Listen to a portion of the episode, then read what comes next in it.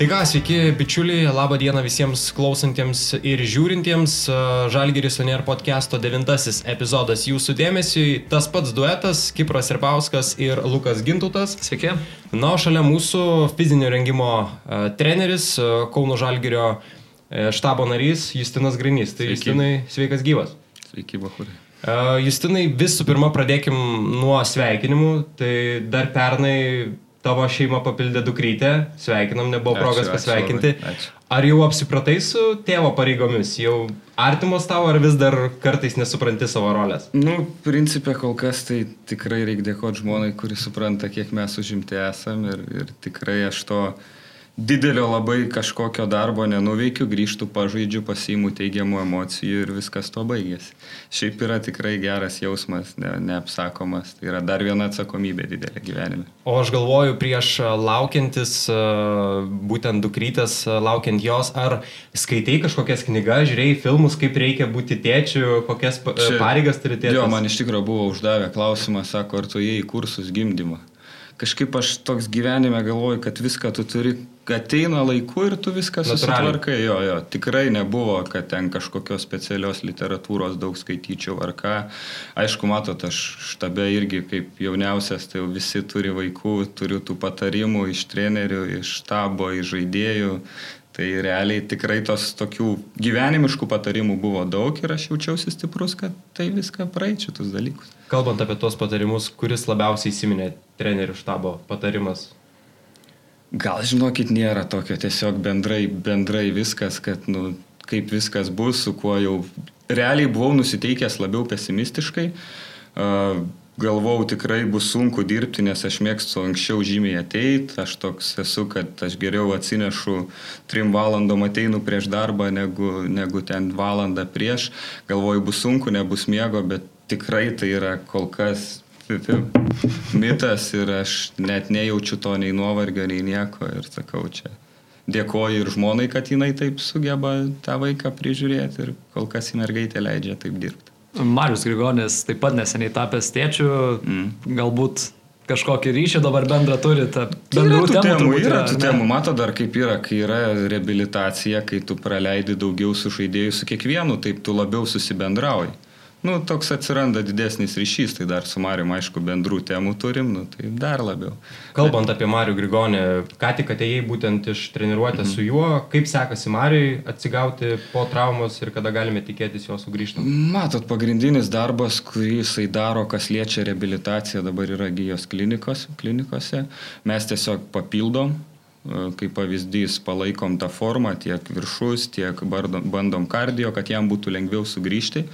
O tokio prognozavimo tikrai negaliu dar sakyti, nes tai yra reabilitacijos stadija, kur, kur va, kaip tik šiandien jisai vyksta dar pas dar vienam pakartotinam tyrimam pas daktarus, bet jisai gerose rankose stebimas nu, ir stebėsim, kaip greitai pavyks peršokti reabilitacijos kai kurias stadijas. Tai Mariukas jau po dvi treniruotės į dieną turi, ar ne? Visada jis taip turėjo. Netgi kai jisai būdavo sulangėti, jisai tarkim eidavo procedūras vienur, pas mus visada ateina pasidaryti, tai kažkokį jėgos krūvį, tai stabilizacinį kažkokį krūvį, tiesiog visada bandom palaikyti tą žaidėjo formą.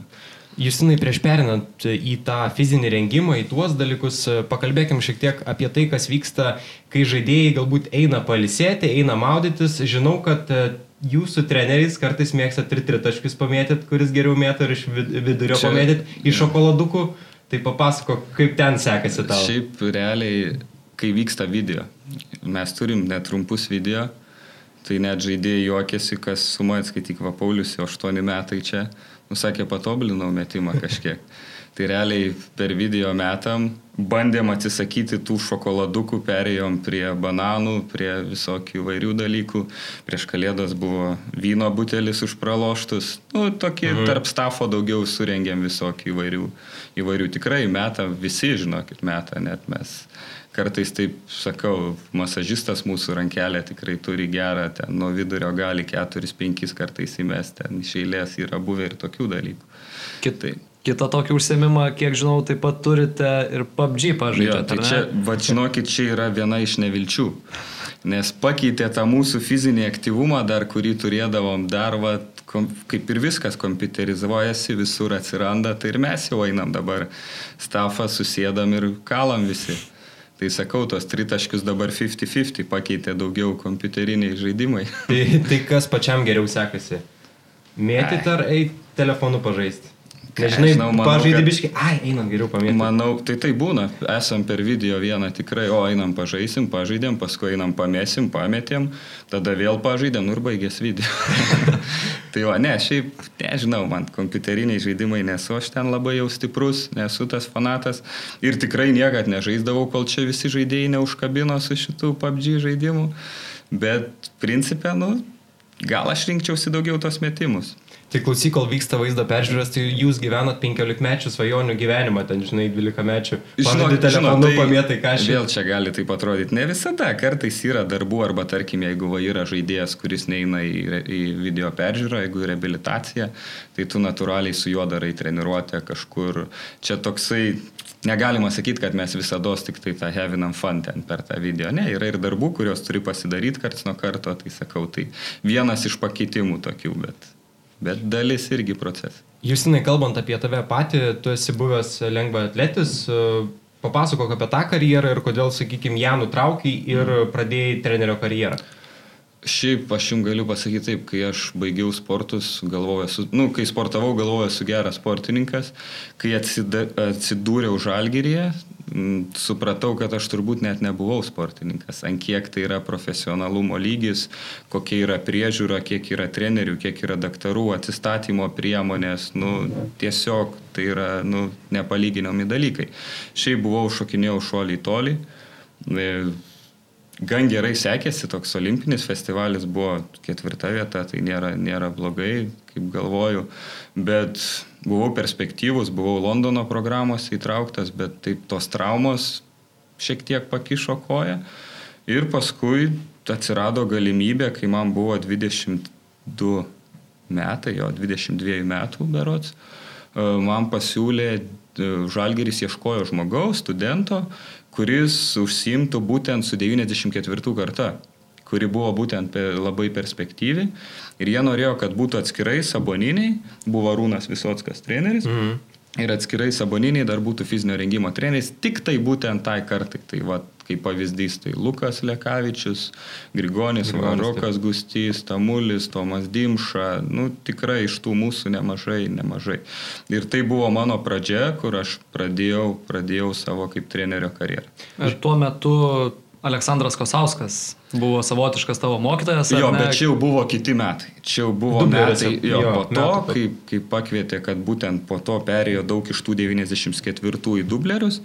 Ir Aleksandras Kosauskas, kaip atėjo irgi dirbti, aš buvau jo asistentas, galima taip, ir jis buvo mano mokytojas, iš ko, ko aš mokiausi. Kiek svarbu, jog tavo karjeros kaip trenerio pradžioje buvo toks žmogus kaip Aleksandras? Ką jis tau pirmiausia dėgi ir kokia jo buvo filosofija? Čia, čia žinokit, neįkainojami dalykai, kaip sakau, aš džiaugiuosi, kad aš turėjau du, net tris turbūt geriausius mokytojus Lietuvoje su savo filosofija. Tai mano treneris Aleksas Stanislavaitis, amžinatelis, jis tikrai buvo gurų fizinio rengimo, pas kurį aš sportavau 8 metus ir gavau žinių. O Aleksandras Kosauskas suteikė, nu, kaip jums pasakyti, vaira durų rankeną. Jis iš jos padarys penkis pratimus, kaip ką nors dirbti su ją. Tai jis davė tą tokį, kaip tu gali iš paprasto pratimo variacijų pritaikyti krepšinėje ir tiesiog varijuoti tarptų pratimų.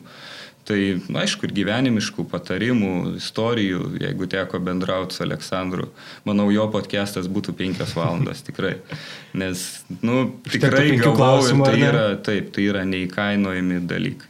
Ar daug dabar naudoji, sakykime, pratimų kažkokių pasirengime to, ką jisai, kaip tu sakei, iš tos rankenos pas mane, pas mane net yra, aš užsirašau Kosauskas drill. Ten, tai aš jau žinau, ką, ką aš noriu, kaip pavyzdys. Tai tokį, va, sakau, e, plus čia tokia, kaip sakau, treneriui pagarba irgi yra mūsų priešvaržybinė pramankšta ir mes visada galiai išbėgam už kampų toksai. Ir buvo minčių, reikia pakeisti, reikia pakeisti, bet galvoju, ne, čia yra trenerio drilas, kur darydavom dubleriuose ir reikia tai išsaugoti tokį, kaip, kaip žinai, respektą treneriui. Aš įsivaizduoju, jog ir jam širdelę paglostam, matom, kad... Ne, mes tikrai susiskambinam su treneriu, visada paklausiu, kaip sekas, su šypsena, sakau, tikrai viskas iki dabar labai gerai bendrauja. Ir be jo tikrai nežinau, kaip būtų viskas susiklosti. Net jeigu ir ne jisai, turbūt aš nebūčiau atsidūręs pagrindiniai žalgerio komandai, nes tuomet, kai vyko tas toks, nežinau, neperversmas, kaip čia pasakyti, Romanovas kvietė būtent Aleksandrą Kosauską į pagrindinę komandą. Uh, jisai sakė, kad tiesiog aš jau esu per senas, jau nebenoriu tos ir jis siūlė va, mane su Nerijum ir taip gavosi, kad va, mes atsidūrėm čia. Kalbant apie tą perėjimą į pagrindinę komandą, kiek pačiam buvo sunku, būnant dar visai jaunam e, patsanukui, galim sakyti, taip, taip, taip, taip. dirbti su suaugusiais vyrais, kurie, manau, tuo momentu galbūt nedaugiau žinojo nei tu pats ir kaip jie klausė tavęs. Ne, tai įsivaizduokit, ir tai dabar mano tas veidas nėra toks, kad jau labai, aš sakyčiau, čia 31 metai jau dar manęs pažymėjimo paklausė, kai, kai reikia. Bet esmė, aš atėjau 23 jau metų, ar 4, bijau sumeluoti, 3 į tokį ugnį, kur buvo broliai Lavrinovičiai, Mantas Kalnėtis, Jankūnas, Jeftokas, Popovičius, Dardenas, Lafaetas, e, tie, kur sėdėjo ant suolo, tai buvo, nu kaip ant suolo, mažesnė rolė turėjo Adas. E, tai buvo ta nereali komanda su, su Plaza. Taip. Kaukienas taip, dar buvo. Kaukienas būtent. Tai principė, nu, tu negali atėjęs jaunas pradėti čia vadovauti, riekaut. Tai bendrai mano filosofija biškinė tokia. Per savo tą sunkų darbą, nu kaip sunku, tau reikia ateiti, žaidėjas, ką nors paprašo, tu viską darai. Jis nori papildomai, tu dirbi papildomai. Tu prikuri jam planų, opcijų pasirinkti, nes, nu vis tiek tu esi jaunas specialistas. Nu ir tuo savo darbu tu natūraliai išsi, kaip pasakyti, išsikovoji, kad šiek tiek tave gerbtų. Tai kaip pavyzdys, aš niekad nerėksiu ant žaidėjų ir iki dabar, nu, kaip sako, aš reiksnys, bet aš negalvoju, kad aš reiksnys. Bet kaip pavyzdys, nu, tu su tuo savo sunkiu darbu, kai jam reikia padedi, natūraliai, kai man reikia, jie man padeda. Tai čia, čia iš tikro to naujo fizinio rengimo net ir toks mentalitetas, kad jau nebėra to tokio, kad tu esi vadas čia tikrai literatūra daug rašo, daug yra informacijos, kad e, fizinio rengimo treneris dabar yra draugas.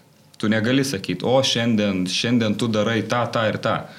Kartais prisizonė, tai taip yra, bet bendrai tu turi gauti informaciją, kokia tavo būklė. Jeigu mane parodo jokie testai, jokie tyrimai kažko, vis tiek aš turiu bendrauti, aš turiu klausti, kaip tu jauties, kaip yra, padarom taip, aš galvoju geriau taip.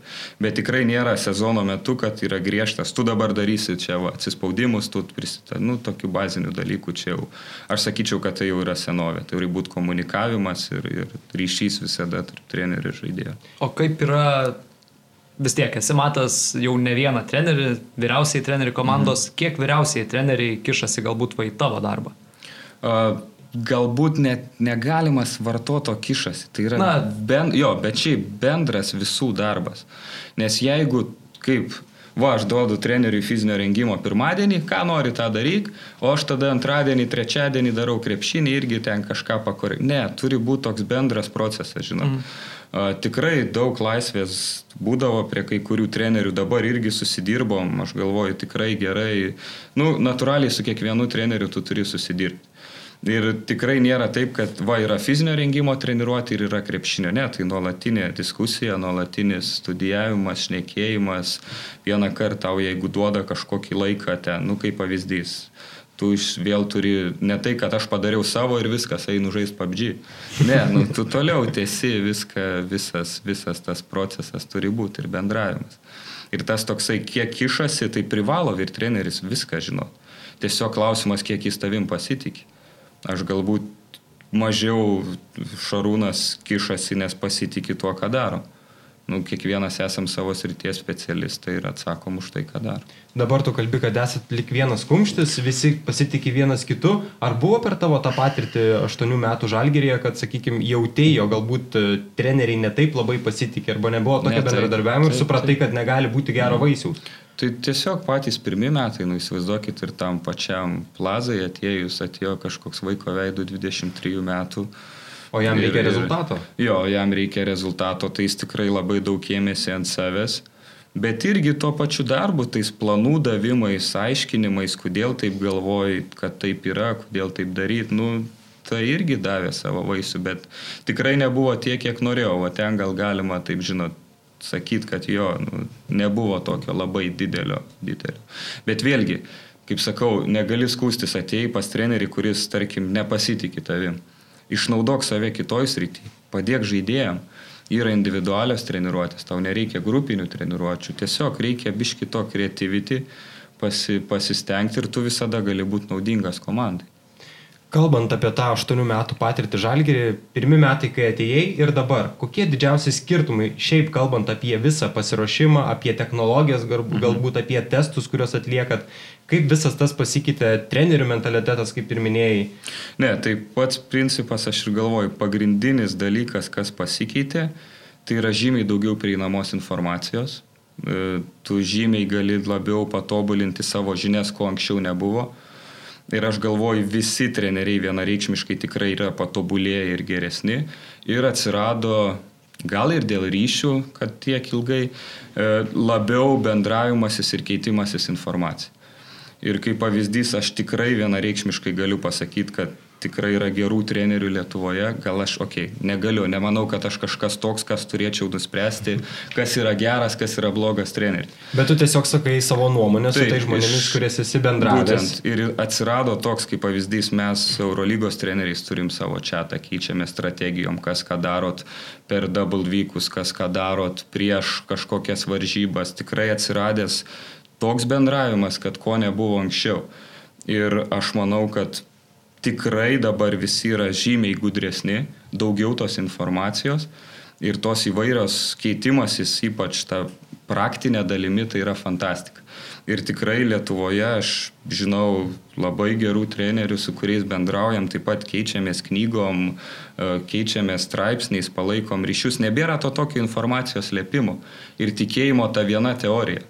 Nėra vienos teorijos. Aš galvoju, tą patį tikslą gali pakie, pasiekti skirtingais tikslais, bet jeigu tu esi uždaras ir tiki tik tai nu, vienu dalyku, mhm. būtent tuo kažkuo ten, kaip pavyzdys, pasėmiau kažkokį testavimą ir tik tai jį drožiu ir tikiu jo naudą.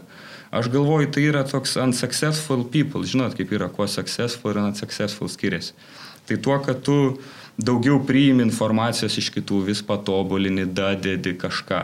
Ir taip tu augini savo žinias. Tiesiog aš manau, kad dabar žymiai pasikeitė tas visas atvirumas. Galų gale pačiam dar teko ir kursus vesti, ar ne, specialistams iš Danijos, tai čia irgi toksai savotiškas. Čia jo, ir iš Danijos, ir teko dar Narta buvo tokia nacionalinė atletinė rengi, tenka tų seminarų būna, žinot, aš kaip stengiuosi visada ties į seminarą, nu, kad aš ir dešimt metų jau šitoj srity, bet aš irgi noriu kažką patobulėti visada ir aš daugiau noriu diskusijos, nes diskusija ir adekvati kritika tai yra privedimas prie tavo tobulėjimo.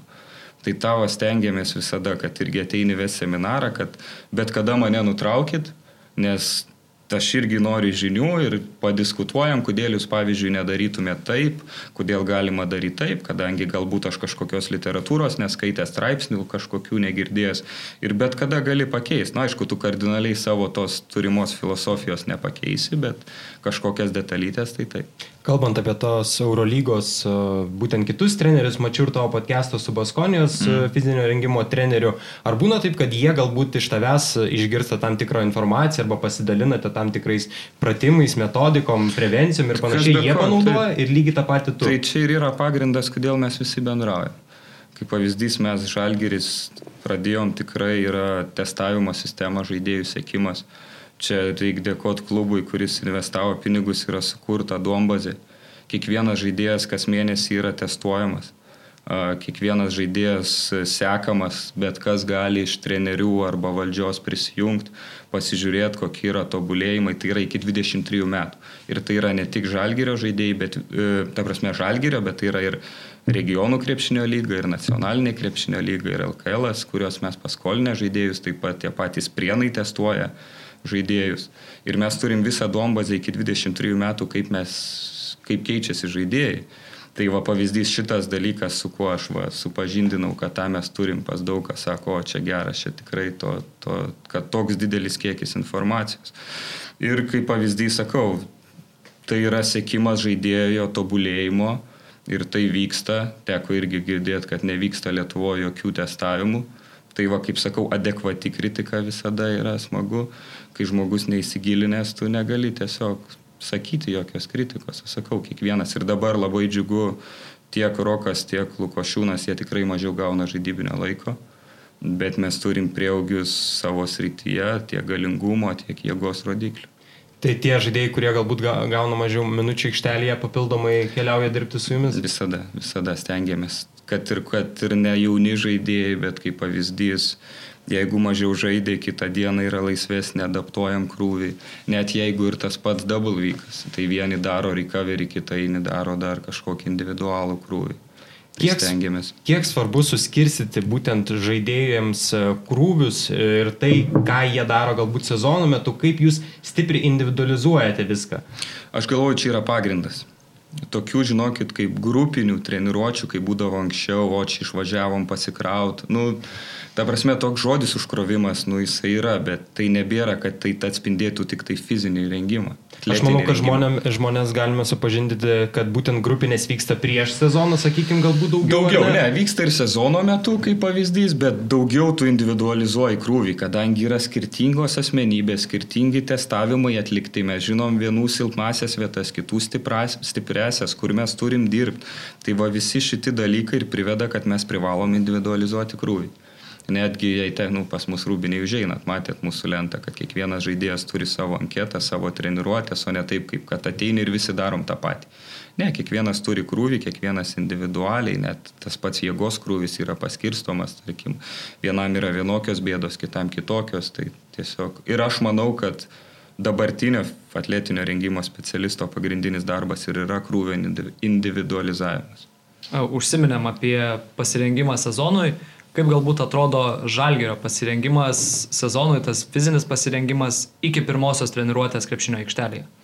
Uh, vėlgi, yra mažesnis laiko tarpas, tai nėra tokio labai didelio, kaip anksčiau būdavo dvi savaitės, mes dirbam tik tai fiziniam pasirengimui ir tada einame į aikštelę. Jau atsiranda, kaip pavyzdys pas mus tik tai pirmas ciklas yra toksai tik tai su fizinio rengimo treneriais, o paskui jau prasideda be kontakto krepšinis, e, derinių įvedimas, individualus darbas ir taip žingsnis prie žingsnio tu subildini, padarai, kad jau mes dirbam 5 prieš 5, suteipuoti ir panašiai. Tai prisizonas tai yra ta vieta, kur mėgaujasi, nes tu turi daug laiko, e, tavimi vienareikšmiškai šimtų procentų pasitikė, tu gali sudėlioti krūvius visus. Nu, žinot, sezono metu atsiranda daug kitų psichologiniai faktoriai, video, kada reikia daugiau, kada kartais galbūt stipresnė treniruotė reikia padaryti ne dėl to, kad iš fizinio rengimo pusės, o kad užbriežt kažkokią liniją, kad visi liktų susikoncentravę ir panašiai kaip jaučiasi galbūt, kurie žaidėjai sportavo individualiai, kurie žaidė rinktinėse, ar mm. matai, pavyzdžiui, kad atvykęs žaidėjas galbūt daugiau ilsėjosi vasarą, leido laiką savo vienareikšmiškai. Šiaip dauguma, kad ir sportuoja, nu aišku, ten jaunimas, aš negaliu sakyti, nes jie stipriau dirba. Mes kas mėnesį sveriam, matuojam riebalinės raukšlės ir panašiai.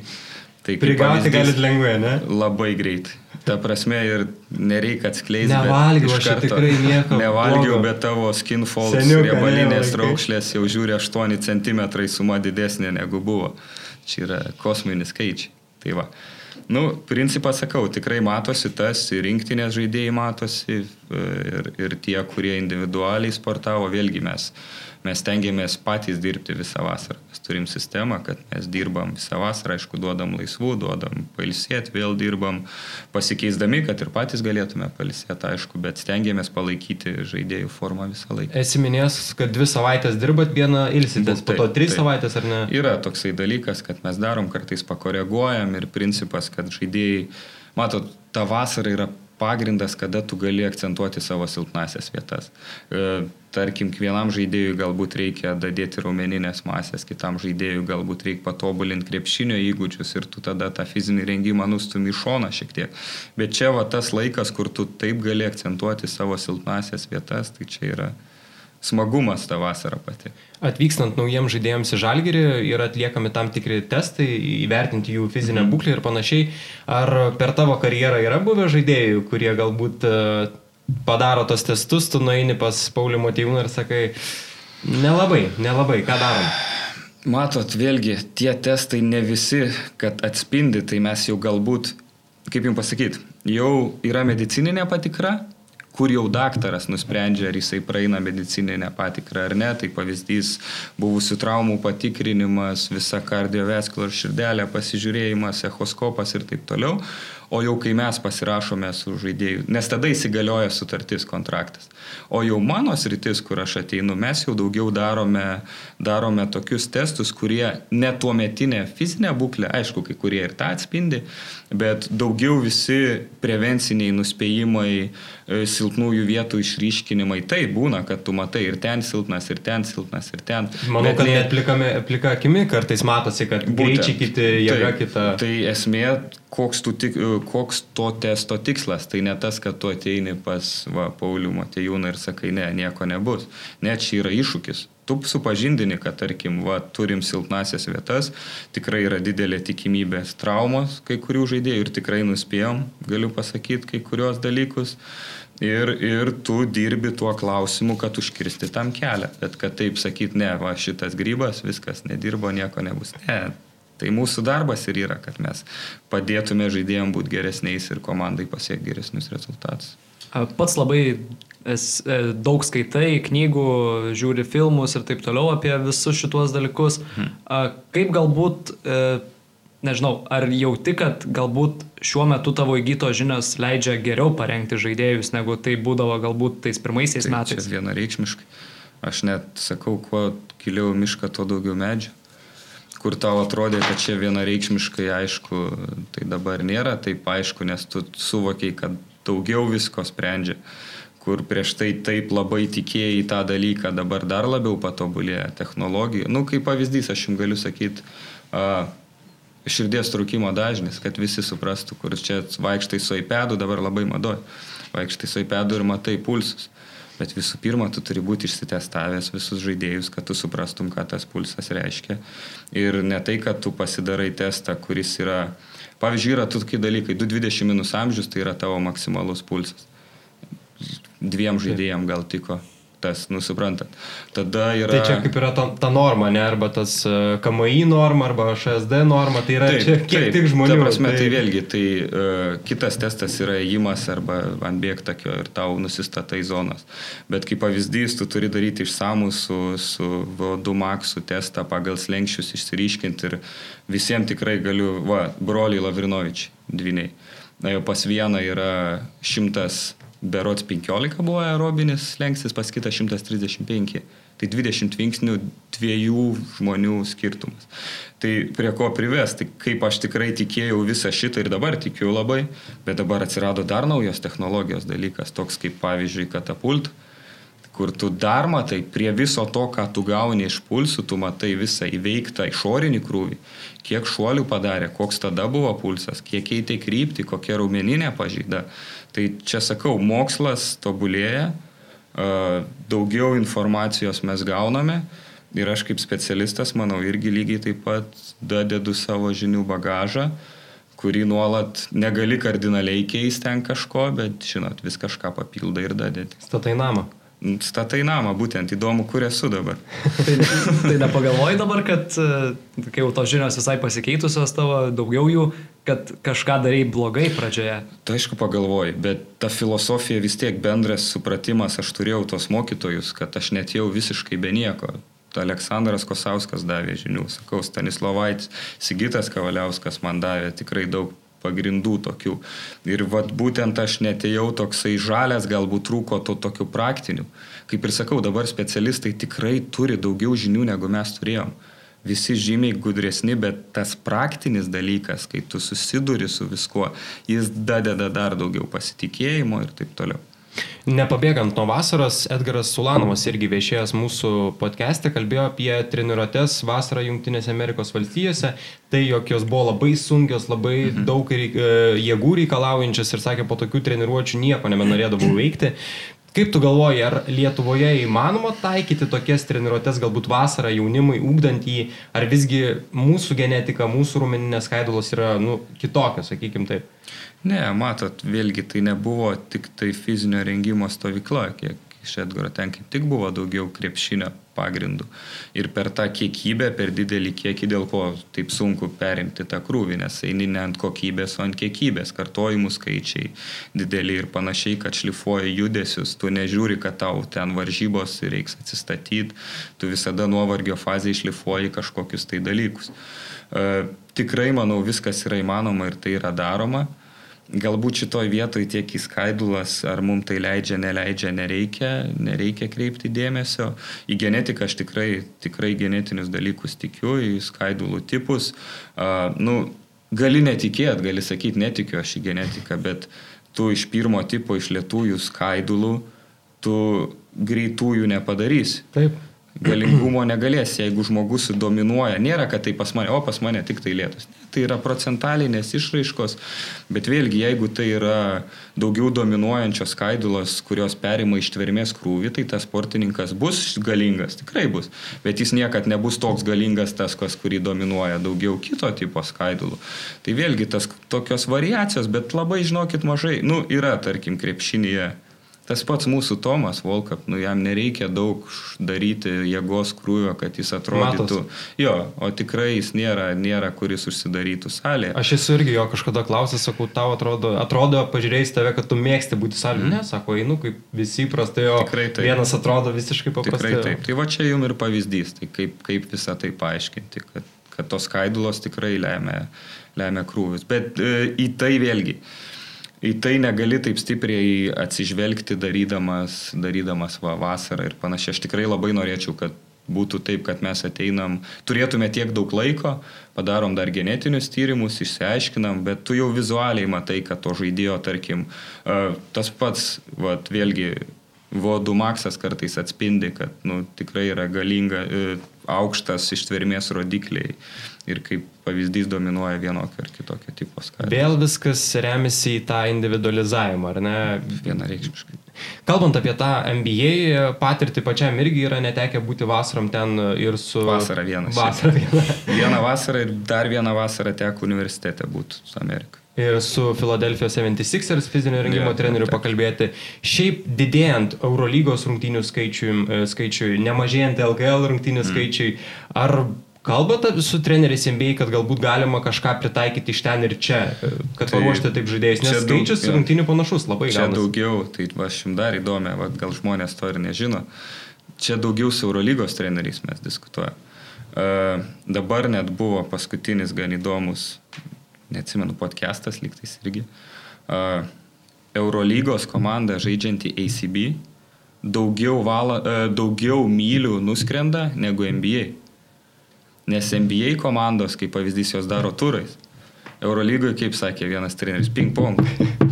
Tai kaip, Dabar stengiamas jau šiek tiek. Tai kaip pavyzdys, kiek bijau sumeluoti tiksliai, ACB komanda nuskrenda 60 tūkstančių mylių per metus, Ten buvo skaičiuota. Mhm. Aš šiemet, tarp kitko, vedu skaičius, rašausi valandas ir, ir kilometrus. Kiek dabar yra žalgirių?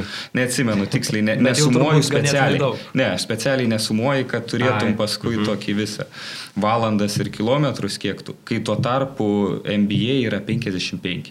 O Gran Canaria, tokie kaip mhm. Kanarų salos, kurios žaidžia Europoje, arti šimto. Oho. Nu, tai kaip pavyzdys, va dabar bendravau su va, savo Luka iš Baskonijos. Jo, žaidė su Gran Canaria ir prieš Double Week sekmadienį žaidė Ispanijos lygą su Gran Canaria, tada skrendi į St. Peterburgą, tada, okei, okay, šalia Maskva, bet vis tiek skrydis, tada su Madridu varai žaisti sekmadienį vėl Madride ir tada grįžti. Nu tai matot, iš tokių žmonių tu gauni dar daugiau informacijos apie tas recovery strategies, kad tu, kaip tu turi daryti. Bet mes prie vis tiek esam prie tokios nuomonės, kas yra atsigavimas, žinot, čia daug visur ten reklamų, kaip ką, miegas ir mytyba. Čia yra pagrindinis atsigavimas - miegas ir gera taisyklinga mytyba. O tie dalykai visi, ką mes darom, tempimai, roleriai, tai yra tiesiog papildomi procentai prie to tavo šviežumo ir panašiai. Daug yra kalbama apie tai, kad jauniems lietuviams trūksta na, tos fizinės jėgos, trūksta sprokstamosios jėgos.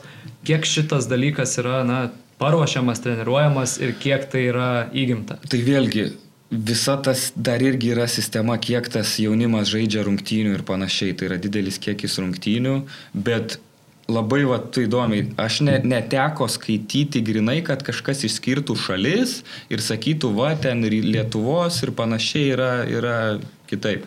Dabar buvo atvykęs pas mus uh, Redžia Milė, fizinio rengimo treneris, pernai metai, šiemet jau jo nėra. Beamas sako, matai, pas jūs paprašiau, jūs genetiškai jau stiprus. Jau jūs sako, va, visi, va, jau į dublerių treniruotės, jau sako, jūs sudėti. Slovenas. Mhm. Sakau, nu žinok, tu turbūt pirmas, kuris man tai sakai. Ai, dar va, mūsų šitas Tomas Digbeu. Irgi sako, tai jūsų lietuviam lengviau. Jūsų lietuviam lengviau, nes, nes jūs esate tokie, sakau, ne, ne, kamonai čia. čia Na, Tomas Digbeu gal ir atrodo toks. Taip, bet esmė, esmė tikrai, bet... žinokit, tai yra darbas, tai yra galbūt lyginant su Amerika, tai vėlgi yra kita metodika, kitas rengimas. Ir kartais aš sutinku su tuo tam tikroj stadijoje, kad žaidėjas turi tai būti ugdomas. To bendro kūno vaizdo trūksta šiek tiek, bet mes esam kitur stipresni. Mes, ką tu imi, ar tu padarai atletą ir tu aukoji laiką bildindamas kūną, ar tu padarai gudrų žaidėją taktiškai ir techniškai stiprų. Nu čia vėl rasti tą viduriuką. Jo, bet žinai, labai daug kalbama, kad lietuviai yra labai gerai suprantantis krepšinį, jau mm. jie tą turi, bet atvykę, tarkim, į NBA peržiūras panašiai, jiems trūksta tos. Taip, natūralu. Tai, natūralu, vat... tai vėlgi tos vasaros kai kurios, ką mes išnekėjom, turi būti skirtos tavo silpnųjų vietų tobulinimui, kad tau dadėti dar. Ir kodėl mes pradėjom būtent tą duombazę sukūrėm savo. Nes ką tu sakai, tikrai toks vizualus būdavo, kad pas mus į pagrindinę komandą ateina vis prastesnė medžiaga. Nu, kaip pavyzdys fiziškai, mhm. vis daugiau reikia dadėti.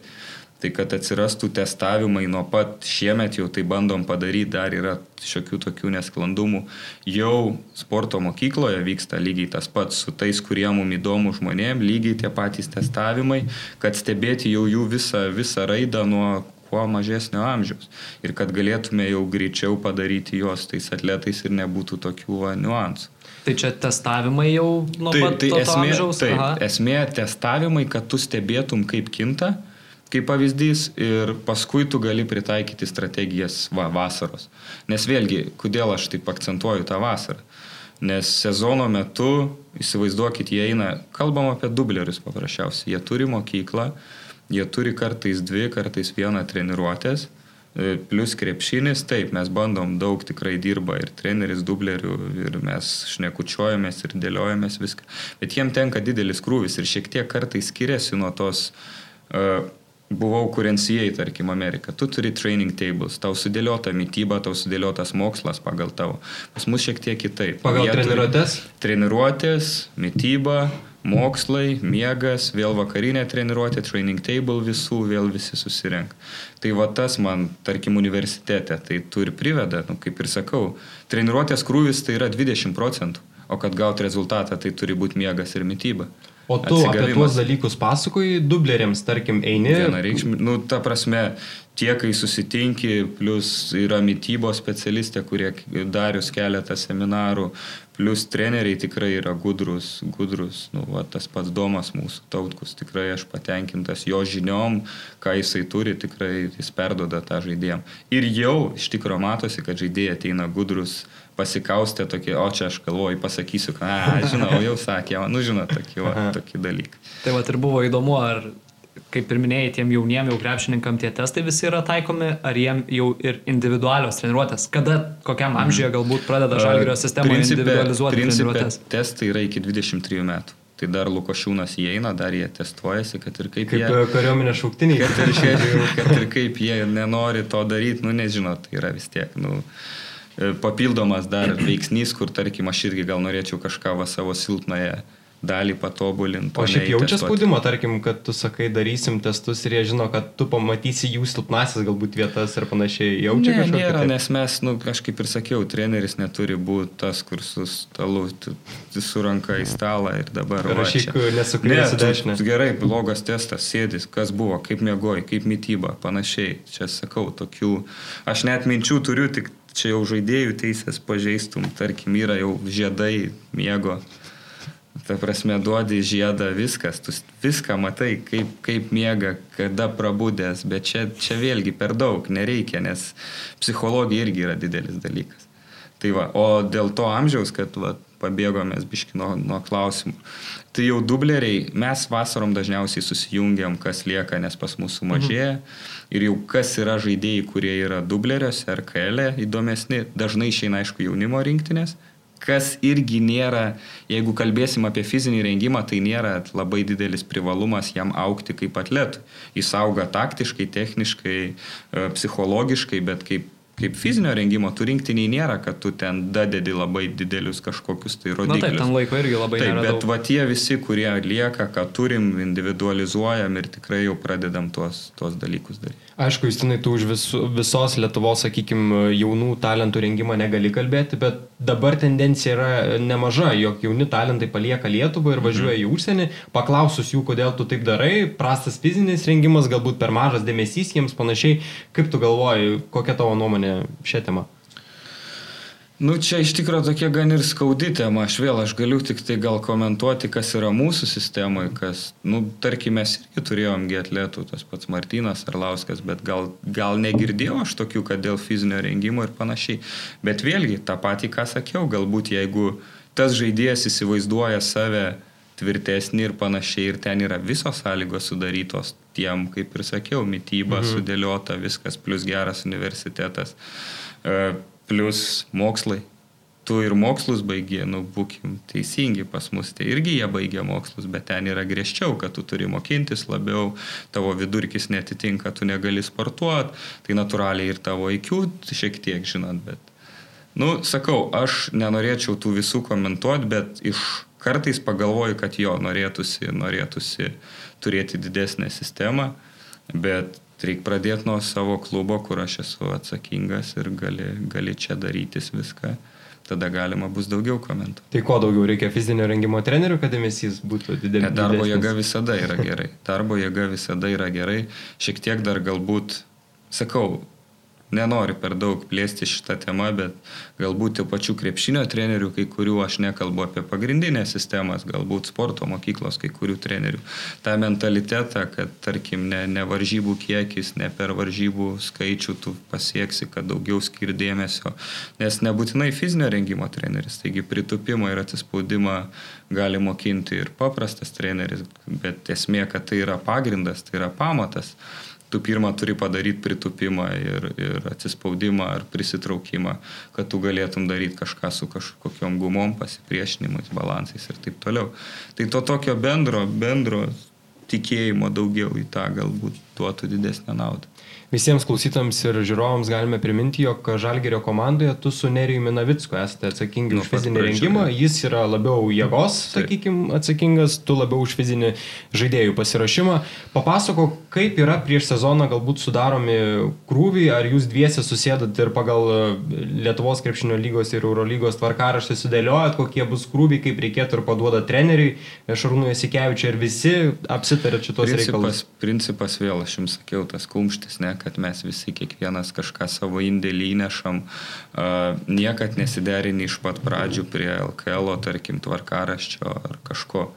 Tai yra baziniai dalykai, ką turi įvykdyti tiek treneris supažindinamas naują sistemą, tai daugiau atsižvelgi į tą jau, ypač kai tu esi kiek čia mes, aš nežinau, su Šarūnu, kiek laiko, keturi metai turbūt. Kai tu jau žinai, kaip vyks treniruotės, ko bus reikalaujama, tu šiek tiek adaptuoji į tai. Pagrindinis dėmesys visada yra skiriamas pirmom Eurolygos rungtynėm. Ir natūraliai tu nuo pirmų Eurolygos rungtynių atbulinė tvarka dėliojasi savo pasirengimo ciklą. Visada nusistatai tas kontrolinės rungtynės, kad jos nebūtų bet kada, kad jos būtų būtent tam tikrų ciklo metu, kad, neišsi, kad visas procesas išliktų. Ir tada realiai, kaip sakau, padarai greučius, apsitari visi, susidarai mikro, makro ciklus visus ir tada lipdai, lipdai, lipdai, lipdai, kol dainam iki galutinio rezultato, tada viską perinam dirbti į, į salę ir bandom išpildyti tą, ką susikūrėm. Šiaip pasirengimas, tarkim, šiemet pradėjau kurt Liepos kažkur pradžią. Tai ta visa, jau daugiau žinai, kokie va iš karto komandos, čia vėlgi visi, sakau, prisideda tiek va komandos vadovui skambini, klausi, kaip bus skrydžiai, kokie bus skrydžiai, kada skrisim, kuo anksčiau jis gauna informaciją, duoda visą informaciją, tada tu dėlioji, kad kuo padaryti dėlesnį, dėlesnį planą. Kiek dažnai galbūt e, vidury sezono su kitais treneriais, daktarais tenka kalbėtis apie žaidėjų fizinę būklę, apie tai, kaip galbūt pagerinti vieną ar kitą jų, sakykime, Mūsų būklę. daktarais, Jo, jo, jo. Jūs tiesiog tarpusavį, kaip bendraujat, e, kiek dažnai tenka kalbėti apie žaidėjus. Tai nuolat, nuolat, čia tiesiog tu pastoviai renkiesi tą informaciją, stengiasi, ko reikia tam, kas tam gal reikia nuimti, tiek, va kaip pavyzdys ta pati katapulta, kur naudojam, tu gali, gali matyti, kad tas žaidėjas susirinko didesnį krūvį, daktaram duodi raportą, kad va, okei, okay, tas, tas tikrai šiandien daugiau dirbo, tu galbūt ekstra kažkokį treatmentą gali duoti, atsigavimo dar priemonių ir panašiai. Tai tas bendravimas nuolatos, nes, nu, kaip sakau, žinot, visų bendras indėlis tai yra rezultatas ir tų žaidėjų visas traumatizmas ir panašiai, nu, tai čia tiek visi prisidedam prie to reikalo, tiek treneriai reguliuoja aikšteliai laikus, t- šitie po treniruočių, prieš treniruotės rutinos visos čia nuolatos vyksta bendravimas. Kalbant apie tas minutės aikštelėje, tu esi vienas iš tų žmonių, kuris rašai, kiek žaidėjas praleidžia minučių aikštelėje ant balto lapo. Dabar visi pradėjo žiūrėti tave arenoje, nes žinos, kad ten tu tai darai. dar. Jo. Ir e, kiek... Mano valapukų nėra. Nebėra, ne? Ne, nėra ten įdėta. O aš galvoju, kad yra.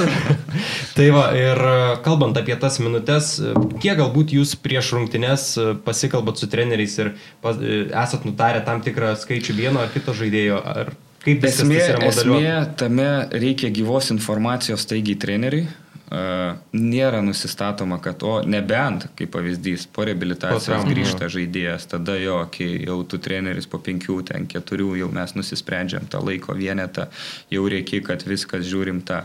Arba, kaip ir sakau, va, klausai, kaip komunikuojam iš daktarų, gauni informaciją, žaidėjas sloga, gerklės skauda, nu natūralu, kad yra paprastas gerklės skausmas širdžiai 10 procentų darbingumo nuima, čia toks irgi buvo įdomus tyrimas.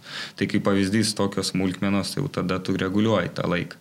Šiaip stengiamės žiūrėti, kad tos 6-8 minutės, jeigu yra, nu, kaip pavyzdys, po 8-10 minučių jau duodi informaciją asistentui. Ai, tarkime, nusprendė- jeigu žaidėjas turi žaisti 20 minučių, tarkime, Ne, nu, sakyk, nėra, nebuvo net, kad nusistatai kiek. Mm. Nebent tai yra LK double vykas koks nors, mm. LKL varžybos ir tada leidžia tos varžybos koreguoti laikus. Sužaidėm su šiauliais, labai leido koreguoti jau. Tai jau tu tokiu atveju paleidi ir tu tiesiog nebežiūri to laiko. Nu yra tie faktoriai tokie žmogiški, žmogiški. O Justinai, kada sezono metu, vis tiek aš įsivaizduoju, toks momentas turėtų būti, kada yra sunkiausia žaidėjim, kada galbūt padidėja ta traumų tikimybė, kada jaučiasi didžiausias nuovargis, kuriuo sezono metu. Pralaimėjimų fazai. ne, principė, žinokit, jokas jokais, e, ne mėnesį sakysiu, bet irgi tie patys tyrimai. Nu, aš viską tu turi remtis kažkokiais atliktais tyrimais. E, Tas visas pralaimėjimų fonas, negatyvi tavo nuotaika irgi labai atspindi tavo atsigavimą. Atsigavimo procesus lėtinantis dalykas. Tai tavo bloga emocija, Stresas. stresas, nusiteikimas, tai natūraliai tavo tas. Ir vėlgi, jeigu būtų laimėjimai, tau būtų kitaip. Bet jeigu kalbant taip apie mėnesius, jeigu reiktų pasakyti, tikrai neraščiau tokio būtent vieno mėnesio, lyščiau į kokį vasarį. Mhm. Kadangi paskui jau tu eini daugiau, jau žinai, prasideda įdomybės, daugiau atkrintamųjų, tai playoffai, LKL, e, jau skaičiavimai, Eurolygos kiekvienas varžybos ten, nu, daugiau to viso ir tas emocinis fonas užvaldo tada, dar tą tavo nuovargį biški nustumdo. Tai va. Bet kad taip sakyt kažkokį teikt mėnesį, kad būtų tendencija, kad matytume labai kažkokius, okei, okay, galva iš tų pačių kraujo tyrimų galima spręsti daug, kad aš sakyčiau, toks sausis vasaris tai yra vienas sunkesnių dalykų. Po švenčių. Po švenčių kiti rodikliai parodo, kaip, kaip močiutės stalas buvo paruoštas, ar geras, ar ne. Bet žinokit, nėra tų dalykų, kai tiek varžybų, kai tiek, nu, mes visi yra. tai nedarėt po švenčių tų, ne? Darėm. Darėm tyrimus, darėm. Bet tai viskas. tokie negailestingi, ne? Darėm tyrimus ir kaip iš tikro, kas įdomiausia, kada mes čia darėm sausio šeštos gal, tai neatsimenu kažkas, kad tai buvo patys mažiausi rezultatai. Ta prasme, žaidėjų tiek skinfolds nebuvo kaip keista, nei vieno nebuvo, buvo, kuris dadėtų riebalinės masės ar panašiai. Aš manau, kad žaidėjai dabar jau yra tikri profesionalai. Čia Antrą kalėdų dieną išvyka į, į, į šitą Müncheną. Nauji metai irgi, man atrodo, buvo. Nauji metai, pirmą dieną treniruotė, antrą dieną makabi. Tai tas, tas ritmas tikrai to stereotipo nebėra, kad kaip anksčiau, kad žaidėjai, tas pats alkoholis ir, ir taip toliau, tikrai tie dalykai nebūtų įmanoma išgyventi sezonų, jeigu tu pažydinėtum taip režimą. Kiek galbūt keičiasi visa tai, kaip pavyzdžiui po skaudžių pralaimėjimų, tarkim, kaip vakar buvo surinkta treniruotė, e, sakykime, būna ir taip, jog tie griežtesni treneriai mėgsta ir po kitą dieną daryti treniruotės, nors reikėtų žaidėjams palsėti. Kaip viskas sujaukia visą tą sistemą aš šitokie dalykai? galbūt galvoju, kad žaidėjai visi supranta, kad tai yra protinga organizacija ir jeigu tu padarai tokį crazy sprendimą, tu jį paskui ištaisai. Nes, nu, kaip pavyzdys, jeigu tu surengi, ir tai jau mažai yra tokių punishment, gal buvo 4-5 kokį metą atgal tokių dalykų daugiau, bet dabar jau vis tiek suvoki, kad tau, tarkim, vėl svar- svarbios kitos rungtynės, galbūt tu stengiasi kitaip, daugiau video analizės, bet kaip pavyzdys, nu, tu, jeigu tu jau tai padarėjai, paskui tu taisai e, situaciją su treniruočio procesu, o ne vėl duodi, duodi, duodi kažkokį tai nuolatinį apkrovą, ko pasiekoje tu turėsi žaidėjo būklės, fizinės būklės sumažėjimą. Papasako, kaip atrodo paprasta, sakykime, treniruočio savaitė, rungtynių savaitė, kai yra žaidžiamos e, vienos Eurolygos rungtynės ir vienos Lietuvos krepšinio lygos rungtynės. Kaip atrodo visas tas... Tai jeigu tai paprastai, kaip sakau, va, irgi ne, ne savo srities specialistam, o paprastiem žmonėm, tai jeigu sekmadienį mes turim rungtynės ir kitos rungtynės bus, įmam penktadienį ar ketvirtadienį. Ketvirtadienį. Ok, ketvirtadienį. Nu, tai dažniausiai priklausomai nuo kokia buvo savaitė, pirmadienis yra tokia laisva diena, bet ta laisva diena vėl tie, kas žaidė mažiau, jie ateina, kad ir šiandien mes vakar turėjom crazy tokią dieną, bet atėjo tiek jaunimas, tas recovery pasitarėm savo aerobinio krūvio, kuris atsakingas, kiti ateina savo silpnasias vietas padaryti. Tai kaip pavyzdys, tas pirmadienis, po to sekmadienį yra skirtas tom, kas pavyzdžiui tikrai yra pervargę ir panašiai. Aš visada sakau, tas aktyvus polisis yra geriau. Na, kad tu ateitum kažką paėdėtum, bet reikia nepamiršti ir centrinės nervų sistemos polisį, kad reikia palisėti, reikia pabūti su šeima ir taip toliau, nes tai irgi yra dalis, jie visi yra žmonės. Ir tada jau tu antradienį jungiasi. Dabar antradienis vėl. Sezono metu mes tengiamės sportuoti vieną kartą per dieną, bet tas mūsų optional trenerių fizinio rengimo, kad tu ateini, tarkim, rytais pasidarai jėgos krūvį. Tai yra gerai, kitas nori palsėti dar, jisai ateis pasidarys prieš treniruotę, tai nėra labai didelio spaudimo, bet dauguma jau stengiasi mūsų tais patarimais naudotis. Tai jeigu pirmadienį mes darėm vėl tokį individualizuotas krūvis, ateini antradienį, jau yra vakare krepšinio treniruotė, kaip pavyzdys šeštą, jeigu mes nusijimam, ryte pasidarai kažkokį tai vėl individualizuotą, daugiau jėgos krūvį, paskui vėl yra prevencinis krūvis trečiadienį, minimalus kaip apšilimas pramankšta prieš, prieš krepšinį ir varžybos ketvirtadienis vėl priklausomai kaip, kaip kas, kokį pergalį. Nepe... Nu, tikrai tas žmogiškas faktorius daug, daug lemia. Po ketvirtadienio varžybų penktadienį yra daugiau atsigavimo treniruotė, bet vėlgi kiti kamuoliai, LKL skiriasi kamuoliai, tai žaidėjai atlieka metimus, vėl kurie mažiau žaidžia, eina dirbti su treneriais individualų darbą krepšinio, kiti, kurie daugiau lieka su, su mumis pasidaro krūvį. Tai sakau, tas toks individualizavimas tai yra neatsiejamas dalykas viso proceso. Nu ir šeštadienį prieš varžybinės, kai tik tokia treniruotė, video analizė, sekmadienį vėl rungtynės.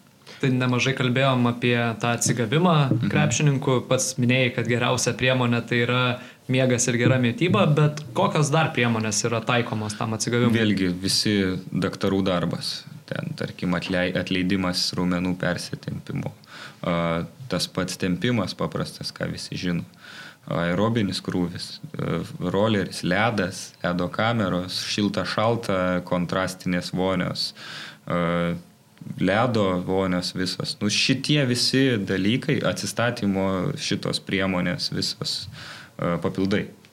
Tai esmė visų šitų, nu, kaip aš sakau, jeigu 80 procentų įmam miegą ir mytybą, tai su visais tais tu dar dabildini, dabildini, dabildini, kad išgaut gal ir šimtą. Šiaip e, dar vienas labai įdomus dalykas, kad tarkim po laimėtų rungtynių žaidėjai tuos visus dalykus daro noriau, sakykime, tą atsigavimą. Mhm. Pačiam irgi yra tenka būti šalia komandos ir ma matai, jeigu geros rungtynės, viskas pavyksta žaidėjas mhm. ir prasitampyti ir tuos dalykus nori padaryti, bet jeigu prastos rungtynės tiesiai į dušą ir viskas, tu nieko nebenori daryti. Kiek turim, dažnai tenka mhm. kalbėti su žaidėjais apie tai? Mes turim tokią taisyklę, kuri įvesta, kad jeigu tu, kad ir pralošiai, ir dar tu susinervinęs, kad tu mažai žaidėjai, vis tiek tu ateini pasidaryti tam tikrą krūvį, kad mes sugebėtume iš, išlaikyti tą visą, nu kaip jeigu teko matėt, jaunimas kartais tie, kas nežaidžia ten, tarkim, 10-12 minučių, jie ateina dar ant bėgtakio pasidaro šiokį tokį krūvį. Kartais padarom tai krepšinio specifikos dalykus, žinot, pasidaro, kai yra double vykas ypač. Tai kartais laviruoja ir taip, ir jie negali iš karto išeiti. Galbūt lengviau tą kitos dienos recovery po pergalės visada su šypsena, žinot, pradžiai, kai va, pirmas, antras sezonas ateini ten jau prisidėjęs tų savo kilimėlių visokių ir įeina tokį kas čia dabar, ką čia duosi. 40 minučių. Duosi komposą, gal kaip čia krukas, žinot, tokių, nu taigi natūralu, bet kažkaip jau pripratai, aš kaip sakau, įeitų jūs visi turbūt aplinkui, žinot, įeitų paprastas žmogus pas mus į rūbinę, tai sakytų čia baisu, nes, nu visada mes vienas kitą šiek tiek trauki per dantį. Tiek, tiek, žinot, žaidėjai, tiek mes žaidėjus ir nuolatos tu tokiam juoko formoje gyveni, bet tai čia yra dalis, nes jeigu tu visada būsi rimtas, visada koncentracija šimtų procentų maksimaliai, nu, tai tada tikrai žaidėjas nesugebės tos mental pusės išspausti iš savęs. Kalbant apie tą mental pusę, kiek svarbu tam treneriui, fizinio rengimo treneriui būti draugeliu? Kiek tu dirbi ties tuo arba kiek bandai būti, sakykime? Draugeliu negali taip sakyti, ypač, nu žinot, tu turi jausti ribą, tu nei vienas draugas nebus, aš kaip sakau, čia irgi praktika vėl davė. Ta prasme, tu susireabilituoji, tu bendrauji, paskui išeina ir išeina tie žmonės. Tai visada reikia nepamiršti, kad tu, tu, tavo to draugelio tikslas, kad tu padarytum kuo daugiau naudos klubui ir tam žaidėjai nu tai tu tiesiog turi palaikyti ryšį. Bet tu negali ten atsistojęs anegdotus skaldyti, tu tiesiog dirbi, bet stengiasi suprasti, išklausyti. Ir fizinio rengimo treneris jis turi būti užtaisas energijos. Mes turim būti pozityvai, mes turim būti nu, kaip pavyzdys, visada įsivaizduokit, pralašai rungtynės, kitą dieną recovery ir dar ateina fizinio rengimo treneris. Toks. Ai, nebelyska, ne? Nu, tokį užsidaręs. Ne, tu turi visada vėl, nors ir pačiam tikrai labai sunku, tu, kai būna tokių, bet tu turi, nes tu už to natą parodai visiems, kad reikia būti vis tiek tas pozityvas. Ką, mes gal pereikim prie blitz klausimų. Tai Čia greit reiks. Būtų gerai, kad greitai, bet yra tokių ir kur, kur, kur, kur, kur galima ir pagalvoti. Tai aš gal pradėsiu. Jeigu reikėtų pasirinkti keturis žaidėjus iš šio metinės Žalgirio komandos, kurie turėtų dalyvauti estafetiniai sprinto rungtyje, kas jie būtų? Tomas Volkap, tikrai ne Jankūnas. Keturi jo? Taip. Čia, o koks keturi po šimtą ar keturi tai po šimtą? Po šimtą. Tai Volkapas visus keturis šimtus gali prabėgti. ne, imčiau Tomą, turbūt Luk, uh, Nigelį, mhm. Luką ir Milą. O, Milą? Mhm. Uh, kalbant apie Milą, tai berots prieš šį sezoną labai geri visi jo testai buvo, ar ne, rodikliai pakilę lygiai su praėjusiais metais. Viskas, viskas gerai. Jis šiaip iš tikrųjų tikrai tų tokių, kaip sakau, fizinių duomenų jisai turi. Ir kartais jūs mato tik tai jo tas žaidimas, gal to neatspindi labai stipriai. Nu, ta, bet tikrai jisai gali ir pašokti, gali ir bėgti ilgai, jis daugiau tikrai tą varikliuką turi gerą. Matos net plika akimi, kaip jis bėga per užtvaras, bandydamas e, būti Būtent laisvas. Derinių, derinių ir tai galbūt jo nėra matoma, bet e, kiek galbūt jis dirbo ties tuo, kad galėtų taip lakstyti ir būti toks ištvermingas, nes nu, tai reikalauja didžiulių pastangų. Tikrai Milas yra, sakau, vis ir papildomai nevengia ir ateina, jis tiki tą darbą, ypač specifikos darbą, kaip pavyzdys, jis turi rutinas, jis mėto prieš prieš šitas rungtynių dieną aš pats einu padavinėti kamolį, jeigu yra salė ir panašiai, padarom dar tokių išbėgimų visų, bet principas vėl, matot, ta visa ištvermė irgi, kai tu žaidi dabar 80 rungtynių, tai jau skaityk turi 80 treniruočių dar papildomų, būtent tam fone, kur tu ugdai. Tai natūraliai tu ir ištobulini tuos savo dalykus. Tokio kaip sezono metu papildomo ištvermės ugdymo tikrai nėra kad jau labai retai, aišku, kai turi ilgesnį laiko tarpą, kai turi ko mes žalgeris retai turim. Tos komandos LKL, kurios žaidžia po vienas, po vienas rungtynės, čia svajonių darbas fizinio rengimo trenerių. Tu tiek gali prisigalvoti strategijų, tiek gali pasižiūrėti, kas veikia, kas neveikia. Mums yra sunkiau, mes vis atlaviruojam. Tai kaip pavyzdys, va sakau, to tokio ištvermės, didelio darbo, kad akcentuot per me, sezono metu, nu, tikrai nėra didelis kiekis skaičius. Šiaip daug LKL klubų lygiuojasi žalgerį pagal visus dalykus, mm. o būna taip, kad fizinio rengimo treneriai klausia tavęs patarimų. Tikrai taip, bendraujam, bet vėlgi aš kaip sakau, ne tai, kad atsakai, bet tu diskutuoji, o kodėl taip, kodėl anai, aha, tu galvoji tai. Tikrai bendraujam su, manau, su visais, beveik su visais, bet negaliu konkrečiai, kad labai, mhm. bet tikrai keičiamės, kaip darai, ką darai, plus žaidėjai migruoja tiek treneriai, kaip užsiveda, tarkim, atėjo naujas treneris į kurią komandą, jis su tavim susisiekė, gal gali duoti informacijos. Lygiai taip pat Eurolygoj, kaip atsirado tie ryšiai. Atėjo Neitas, nuėjo į Makabį, jau man klausė informacijos, kokią gali duoti informaciją. Ir tu keitiesi tiesiog, kas veikia, kas neveikia, tas pats ir LKL. E.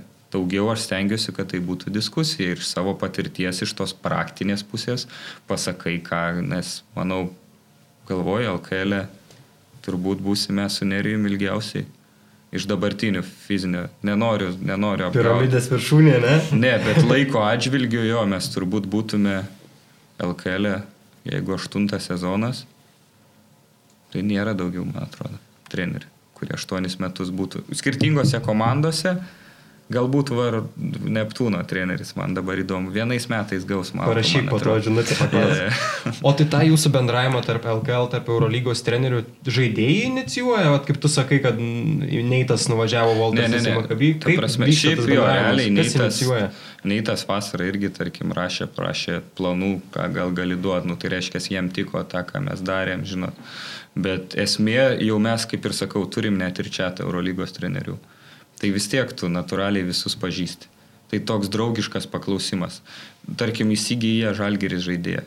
Tai nėra taip, kad o dabar jau laukiam testų, tu iškart kaip fizinio rengimo treneris žiūri, kas su juo buvo prisilietęs iš tavo pažįstamų, iš ryšių tavo. Jeigu niekas, tada ok, blogiau, bet irgi... Ieškai daugiau ryšių. Taip, bet čia irgi natūralu, čia vienam parašai, žinai, kad tas ten, tarkim, dirba universitete Amerikoje kažkur, paklausi, kaip tu galvoji, kas veikia jam, kas neveikia, kokius testus turi. Tas pats Keisy Riversas nusipirkom vėl iš karto, Sevilijos treneris man visus testus sumeta, Madrido treneris visus svorius, kaip pavyzdys, atsiunčia, kaip kas buvo. Nu, vyksta informacijos keitimas. Geras, o prieš kiek metų prasidėjo tas uh, toks artimas bendravimas? Tai va, ką aš ir noriu pabrėžti, kad tikrai kokį Šiemet yra pirmi, kai galbūt aš daugau, kad jau tiek daug ryšių, bet porą metų jau tikrai 2-3 metai. Nes jau labai taip atvirai. Jo, tai va tas ir yra, sakau, kaip man pasako, tarkim, nėra gerų trenerių Lietuvoje fizinio rengimo, yra tokių frazių. Nu, aš drįščiau, aš sakau, aš nekompetitingas spręs, kas yra geras, kas yra blogas, bet kaip pavyzdys, kiek žino informacijos šiais laikais treneriai, Tai aš manau, kad jų žinios, tos visos fiziologijos, biochemijos, anatomijos yra tikrai didesnės negu buvo tos praeitos kartos trenerių. Bet natūraliai ta praktika, ta praktika duoda savo, žinot. Bet informacijos keitimas nežmoniškas, tai natūraliai tu keitiesi informaciją, tu gauni žinias, tu tobulėjai. O visose Eurolygos klubuose yra naudojamasi tiek testų, tiek visokių technologijų, kaip tu čia minėjai? Tikrai ne. Ne visur. Mhm. Ne, negaliu sakyti, čia toks taktinis, kur kaip kas vyksta. Yra kur paprasčiau, yra kur dar sudėtingiau, ne visada tai duoda rezultatą. Tikrai yra klubų, kurie dar daugiau labiau viską žiūri ir taip toliau, bet nu, tiesiog jeigu tik tai fizinis rengimas būtų už viską atsakingas, tada būtų viskas labai paprasta. Priinvestuoji, pasiimi specialistų daug ir tai, bet tai yra N faktorių tikrai, kur mes esam sezono metu tokia dalelytė, kur tu tas krumpliaratis laikrodyje. Yra tekę girdėti ir tokių pasakojimų, kad Europos taurės Eurolygos klubuose paduoda po vieną ledą žaidėjai po treniruotės ar po rungtinių ir viskas, antro negausi. Ne, tai aš gal negirdėjau taip, dabar gal jau pasikeitė biški vis tiek. Gal Bet kad, duoda. kad palaukit. Ai, ne, čia jau Kinija eina. Kad žaidėjai Nu, nu, patys kas turi teipuotis kaip pavyzdys, tai čia yra normalu. Kaip... Tai nėra, nėra daktarų, nėra Ne kineziterapeutų. visur, ne visur, bet šiaip yra, yra, aš apie Kiniją nemažai žinau, nes Sigitas Kavaliauskas mm. dirba, plus Donatas Matejūnas su Virginiju Mikalausku ten. Aš manau, kad ten toks yra mąstymas, jog daugiau pinigų duodam geriau žaidėjim ir mažiau skiriam principas, medicinai. principas ne, tai, kažkas bet ir ten jau keičiasi mentalitetas. Šiek tiek jau irgi suprantama ta visa nauda viso, viso šito dalyko. Keista šiaip turėtų būti iš NBA atvažiavo žaidėjai, kuris uždirba ten kokius tas 3 ki- milijonus Kinijoje ne, Taip, ir pats taip. taipuojas kojas. Tai va tas keistumas ir yra, kaip, kaip sakė, kai būna liūdna labai, jeigu tu esi užsienį, atsidaryk banko sąskaitą ir pralinksmės. Tai Ai, gal va tas blogai. Gal ir susiteipuosi tas kojytės. Nu, tai Gerai, tai gavos blitz klausimas tik pirmo paskaitėm. Gerai, antras. Kuri žalgyrėtis tau ar nerijus susirgus geriausiai pravestų apšilimą prieš rungtynes? Matai Eurolygos rungtynės ar ne? Mhm. Tu negali, nerijus negali. Va kas jokingiausia, kad niekas. Bet taip atrodo, veditos apšilimus jau pačiam nusibodo net bloga, nes čia taip, nu žinai. Nebūna jau čia taip gal Ir pakeisti taip kažką. kartais duodi palieki jiem. Nesąmonės daro vieną, kitą, žinot, tokių Kur nesuprantu. atrodo elementaru, ne? Aš Turėtų imčiau žinoti. jauną, aš imčiau kažkokį jauną Aš roką. kad- Aha. Aš roką imčiau, žinokit, nes jaunas jis labiau susikoncentruoja, jis Jam nor, ne, gal negali taip. padaryti klaidų, jisai žino, kad reikia tas ir tas. Tai imčiau roką arba marčių gebeną. Šitus mhm. du aš O aš turiu. galvoju, sakysi Jankūną. Ne. ne, ne, jokauju, ne, padarytų Jankis, bet, bet aš galvoju, imčiau jauną. Bet šiaip iš tikrųjų būna taip, kad žiūri prieš rungtynės tą apšilimą ir darai tu vieną pratimą, bet kiti žaidėjai biškai kitaip jau realiai, realiai tas taimingas vėlgi, nebūt, galima nebūtinai vest, galima pasakyti, žinot, mes turim tą tokį, nu, jie jau žino, kad tai yra, tarkim, 70 apšilimas, tu žinai visą seką. Ir nereikia laukti, tarkim, galbūt aš dar likęs to, aš stengiuosi jam kaip turėtų būti. Mhm. Bet jeigu, jeigu jis jaučia, kad, nu, tarkim, norisi daugiau to arba norisi kažką pakeisti, tai yra nebėda ir padaryti. Tai sakau, tas va toks pramankšta yra vienas iš nuobodžiausių turbūt dalykų žaidėjui. Bet supranta, tai turi būti rutina ir mano filosofija tai turi būti kuo paprasčiau. Yra tikrai, va, nu, aš žinau, irgi specialistai bando vis kuo daugiau įdomiai padaryti, bet mano filosofija, kad tai turi būti prieš rungtynės, jie turi galvoti apie rungtynės, o ne kaip ten išlaikyti balansą darant pratimą. Ne, jau viskas. Ir plus jūs nematot vidaus salį. Ta pramankšta, kur yra uh, aikšteliai, tai yra tik tai ta ant torto uždėto, viskas pasidaroma. Vieną 3 valandą 30 prieš mes visada atvažiuojame visas rungtynės. Tai yra daromas individualus tas, kur aš sakiau krūvis. O čia tiesiog bendras bazinis organizmo darbingumo pakilimas. Dėl žiūrovų paskui čia. Ne, ne, ne, čia irgi yra dalis, kad tu pakeltum maksimaliai darbingumą, pasiruoštum, pačiupinėtum kamolį ir taip toliau. Kiek dažnai būna, kad atvažiuoja Eurolygos rungtynes, valandą su pusė prieš ar ne, ir tu jau laiku, bet žiūri, atvažiavęs žaidėjas jau kokias dvi valandas prieš jau kaip reikiant apšilinėja pats. Būna taip? Ta prasme, mūsų žaidėjas. Taip, kad- taip, taip, taip. Ne, žinokit, turim rutinas, turim, tarkim, nu, netyra kada kas, ten, tarkim, vien, vien, vieną valandą 30 ten ateina Rokas Daros Čiurnas, vieną 25 ateina kitas, taip, taip, taip ir iki pat to mitingo, ten geriausi laikai, kur jau manom optimali, optimalus, ten toks Edgaras su Paulium Jankūnu jau turi, nu vis tiek tie senbuviai, sakau. Turim rutinas ir tokio labai, kad ten kažkas ateina ir žiūri sausinę mėto, ne, nėra to tokio labai, labai. Tai kitas blitz klausimas, kuris žalgyrietis turi aukščiausią vertikalų šuolį? O dabar palaukit, greitai pereinu. Bet žinokit, jūs nustepsit iš paskutinių Pala, le, leis spėti, bus labai įdomu. Galiu spėti, jau žinai? Jo, bet šiaip iš paskutinių, kada ten labai senai iš tikrųjų mes su pagrindinė komanda darom tą. Mhm. Žinot. Bet iš Bet aš paskutinio, atsimenu, bet iš kas man dabartinės akyse- komandos, ar ne? Iš kas akise stovi, galvoju, galvoju, galvoju. Ok. Bet iš e, dabartinio. Dabar yra žaidėjų. tas žmogus, bet aš betinu už jo maksimalų. vertikalų. Milaknis. Jo. Nuo dviejų kojų atsistojus šokti iš paprastai. Tai va Geras čia ir yra, tarkim, kodėl tas testavimas turi būti įvairus. Kodėl negali būti, kad vienas rodiklis, aš sorry, gal čia ant blico per daug išsiplėčiu, bet kaip pavyzdys, negali vienas testas atspindėti kojų jėgos arba ten rankų jėgos. Dėl to mes ir darom skirtingus testus, bet jeigu jūs paimsit šuolio aukštis prieš žingsnio, kur jau yra galingumas arba septyni iš eilės šuoliai, tas žmogus jau keisis. Nes jis yra galingesnis, galingumo rodikliai, sugebėjimas išgauti jėgą per trumpą laiką ir taip toliau. Tai sakau, tas testavimas negali būti 1, 2, 3, 4, 5 pratimai, tai turi būti nuoseklus ir vieni kiti, kad tu galėtum spręsti kažką. Tai va, kaip pavyzdys, jeigu aš pasakysiu, kad Milaknio tas vadinamas iš vietos šuolis, tai counter movement jump yra didžiausias, tai nereiškia, kad jis skraido kaip Aaron White. O tarp kitko, Aaron White, aš atsimenu, tikrai nebuvo kažkoks įspūdingas rezultatas iš vietos paprastai mhm. šokant. Gerai, kitas klausimas. Kuris iš visų tavo turimų ar buvusių auklėtinių labiausiai domėdavosi apie savo kūną, anatomiją, fiziologiją? Pengosas. Pengosas? Taip, turbūt Tremel Darden ir Pengosas. Yra būdavo tokie, žinai. Pengosas daug, daug tokį turėdavo. Brendonas nemažai. Bet e, ateina, klausia, kas mhm. įdomu, ar ne, bando įsigilinti. Pats žinių to. turi, pats, pats googlina, pats, pats skaito galvoju iš dabartinės komandos. Ne, aišku, aš jau neskaitau, jau Jankūnas per tą patirtį turi irgi tų žinių daug. Bet sakau, iš tokių, va, tai pengos imčiau. Mhm. Gerai, kitas klausimas. A, kuris dabartinis žalgyrėtis labiausiai mėgsta štangas? Štangas. Tai ze, e, šitas, zekas, džokas. Nu, jis toks entuziastas, jis nuo American School, čia jis atvažiavo, aš atsimenu iš pradžių, pirmojo frazė buvo, aš, aš šešis kartus štanguosiuosi per savaitę. Sakau, tu palauk sezono, pamatysi, kai jo, jo, bet man reikia, žinau, aš čia dirbau.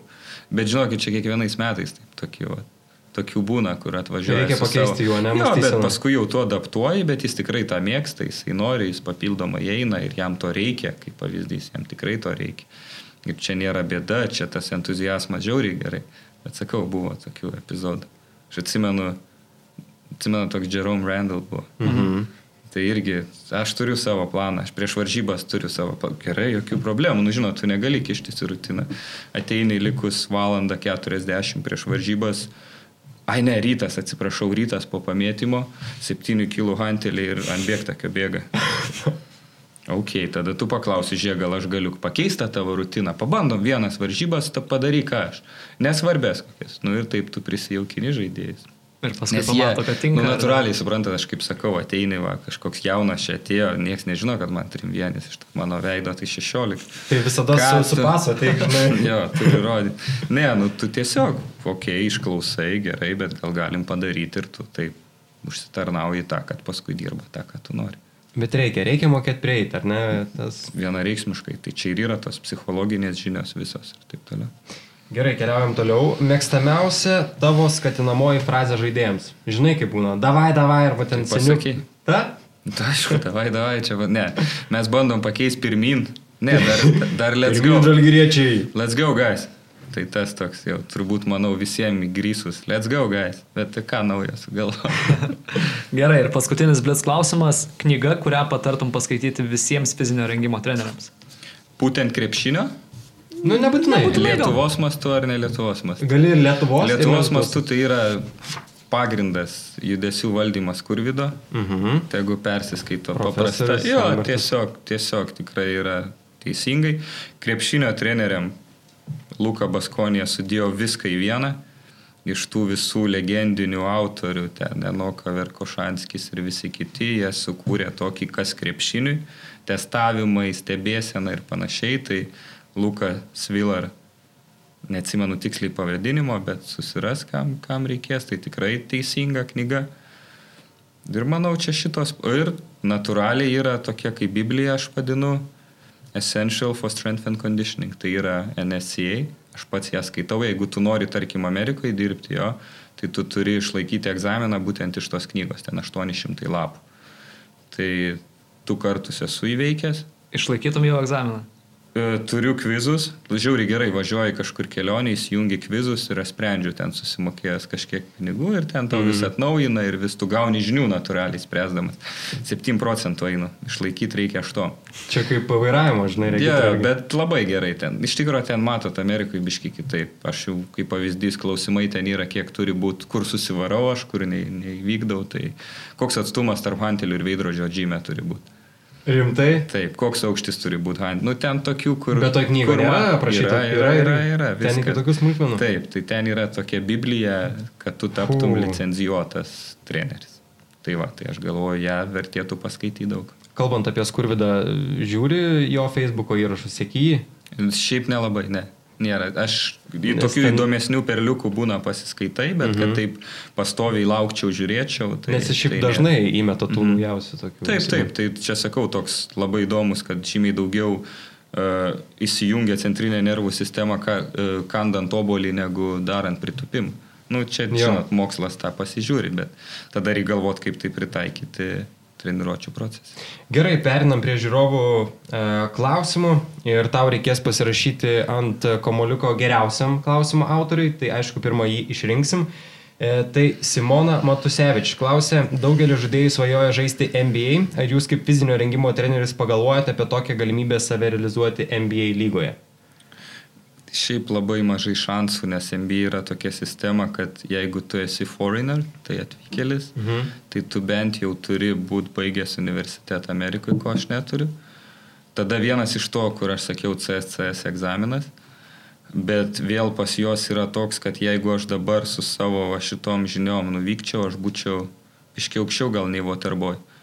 Bet kaip pavyzdys, tu turi praeiti mhm. visą piramidę, kaip man, aš turėjau galimybę Žalgirievą, sudėjim ketvirtais, tada nacionalinė, LKL, Eurolyga. Tai lygiai tą patį ir jų tokia filosofija. Tai tikrai būtų įdomu, bet būtų labai daug limituojančių faktorių, kas neleistų to padaryti. Nu tai kaip jūs jinai sakai, jaunas dar veidelis, dar ne, ne vėlu. Ne, tai aišku, bus jau 50 ateisiu, visi galvos 25.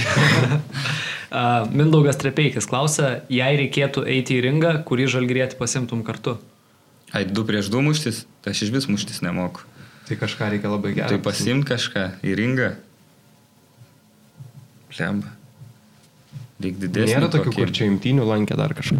Galvoju dabar, kas čia, kas čia tokie. Aš tai su tuo Tomu pasikliaučiau turbūt. Volkopu. Volkupu? Aš tai kažkaip gal Zaha lydį galvoju, jeigu taip prieš jūs eitumėm. Šiaip tai, jeigu iš pernai, tai Dioną paimčiau Thompsoną. Nu, jo, jis yra kas Jo, tas. bet nežinau, nežinau, sakau, nelabai kaip aš su tim dvikoviniam pats. Ant pagalio gal kokio reiktų, tada vėl kitą žmogų reiktų imti Su Hanteliais. Su man. Gerai, trečias klausimas. E, Domas e, klausė, kurį žalgerio žaidėją pasiimtum į negyvenamąją salą. Kokiu tikslu? Išgyventi. Nu, tai jau pats galvok. nu jo, išgyventi, sulaukti gal pagalbos. Ne, reiktų lietuvių, kad ten nereiktų angliškai vėl. Tai Vis tiek pramoktum prisi- dar geriau, žinai, dar ne, labiau ne. Ar jau taip užtenka, jau užtenka tiek, kiek yra. Ten, gal, flema, čia klausimėlis. Luką kokį paimti ant tos kokosus, greitai galėtų Greitas mažas, jo, jo, nu, tarkim, Lukas. Gerai. Gerai, Tomas Tumynas klausia, kiek jūs telis gali panešti kamolių? Visus. Visus, ne? Jeigu Tomas Tuminas, tai visus. Šiaip aš turėjau idėją, kad reikia gal atnešti kamolių ir pabandyti, kiek žinai paimtum, bet... ne, nežinau, ne, nesu, nesu bandęs. Gerai. E, Tauras Egėla klausė, e, Justelė, ar pavyks vasarą padirbėti kartu?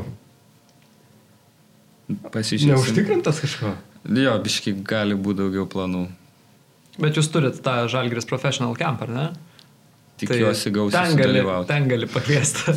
Ne, realiai, realiai, ne, realiai planuose dar biški yra ir Lietuvos rinktinė, tai žiūrėsim kaip čia. O, tai jau. Tai sakau dabar, taip negaliu visiems visiem pasakyti, kad tikrai galėsim sportuoti. Gerai, palikim man klausimą šitą. Ne dabar klausė, ar pagal fizinę formą Šaras dar galėtų išbėgti į aikštelę. Išbėgti galėtų, bet ką ten nuveikti, tai aš nežinau.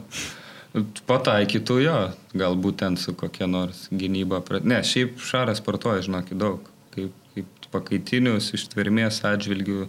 Krepšinį gal tikrai apleidęs, žaidėm gal kokį vieną kartą čia stafas visi susitikę, gal du kokius.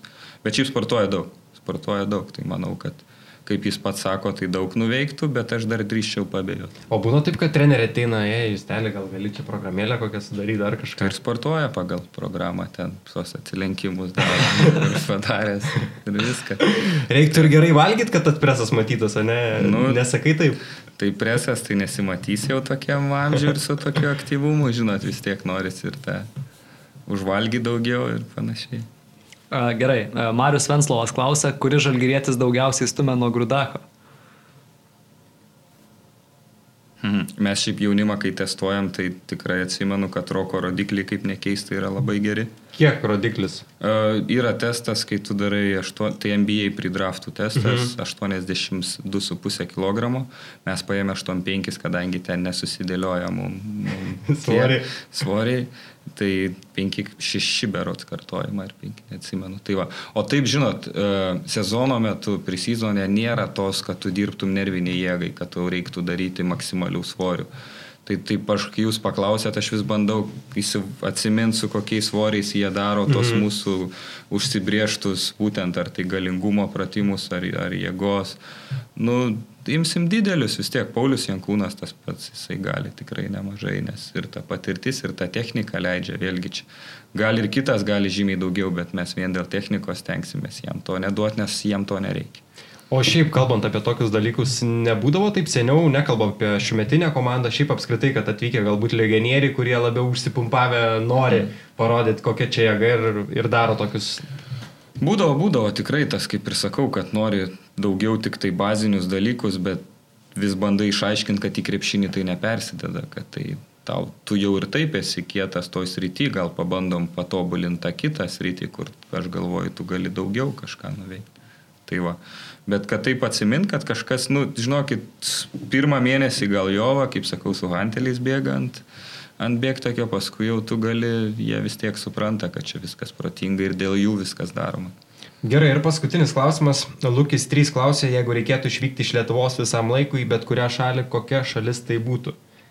Latvija, kad į Lietuvą šalia galėtų ne, aš iš tikrųjų, žinokit, aš esu patriotas, man, aš, mes išvažiuojam, va, sakau, Maldyvai, buvai, grįžai Ameriką, nu, man taip gerai tu į Lietuvą. Na, aš kažkaip nežinau, nu, man tas toksai gal čia senas kirpimas prie, prie ežero, ramybė kokia nors, man ta, to tikrai.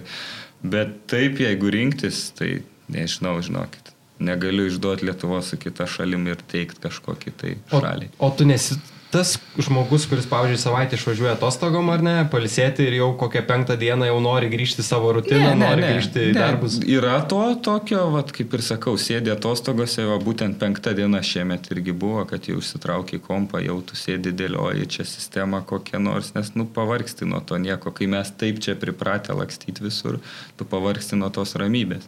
Bet kai čia lakstai labai norisi ir tos ramybės, tikrai, va, sakau. Tai va, šalies tikrai nepasakysiu, imsiu arčiau Lietuvos tada tas pats va. Latvija. Gerai, nuostabija Latvija, saulėtoje. Saulėtoje. Nu.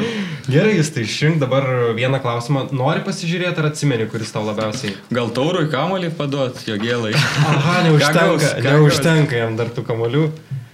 Gaus kamolį ir marškinėlius, kurie čia pas mus ant stalo, o prizą įsteigė oficiali Kauna Žalgirio atributikos parduotuvė Žalgirio Shop, kuri... Čia du, du ar vienas? Tu reik protingiausias. Vieną tik tai.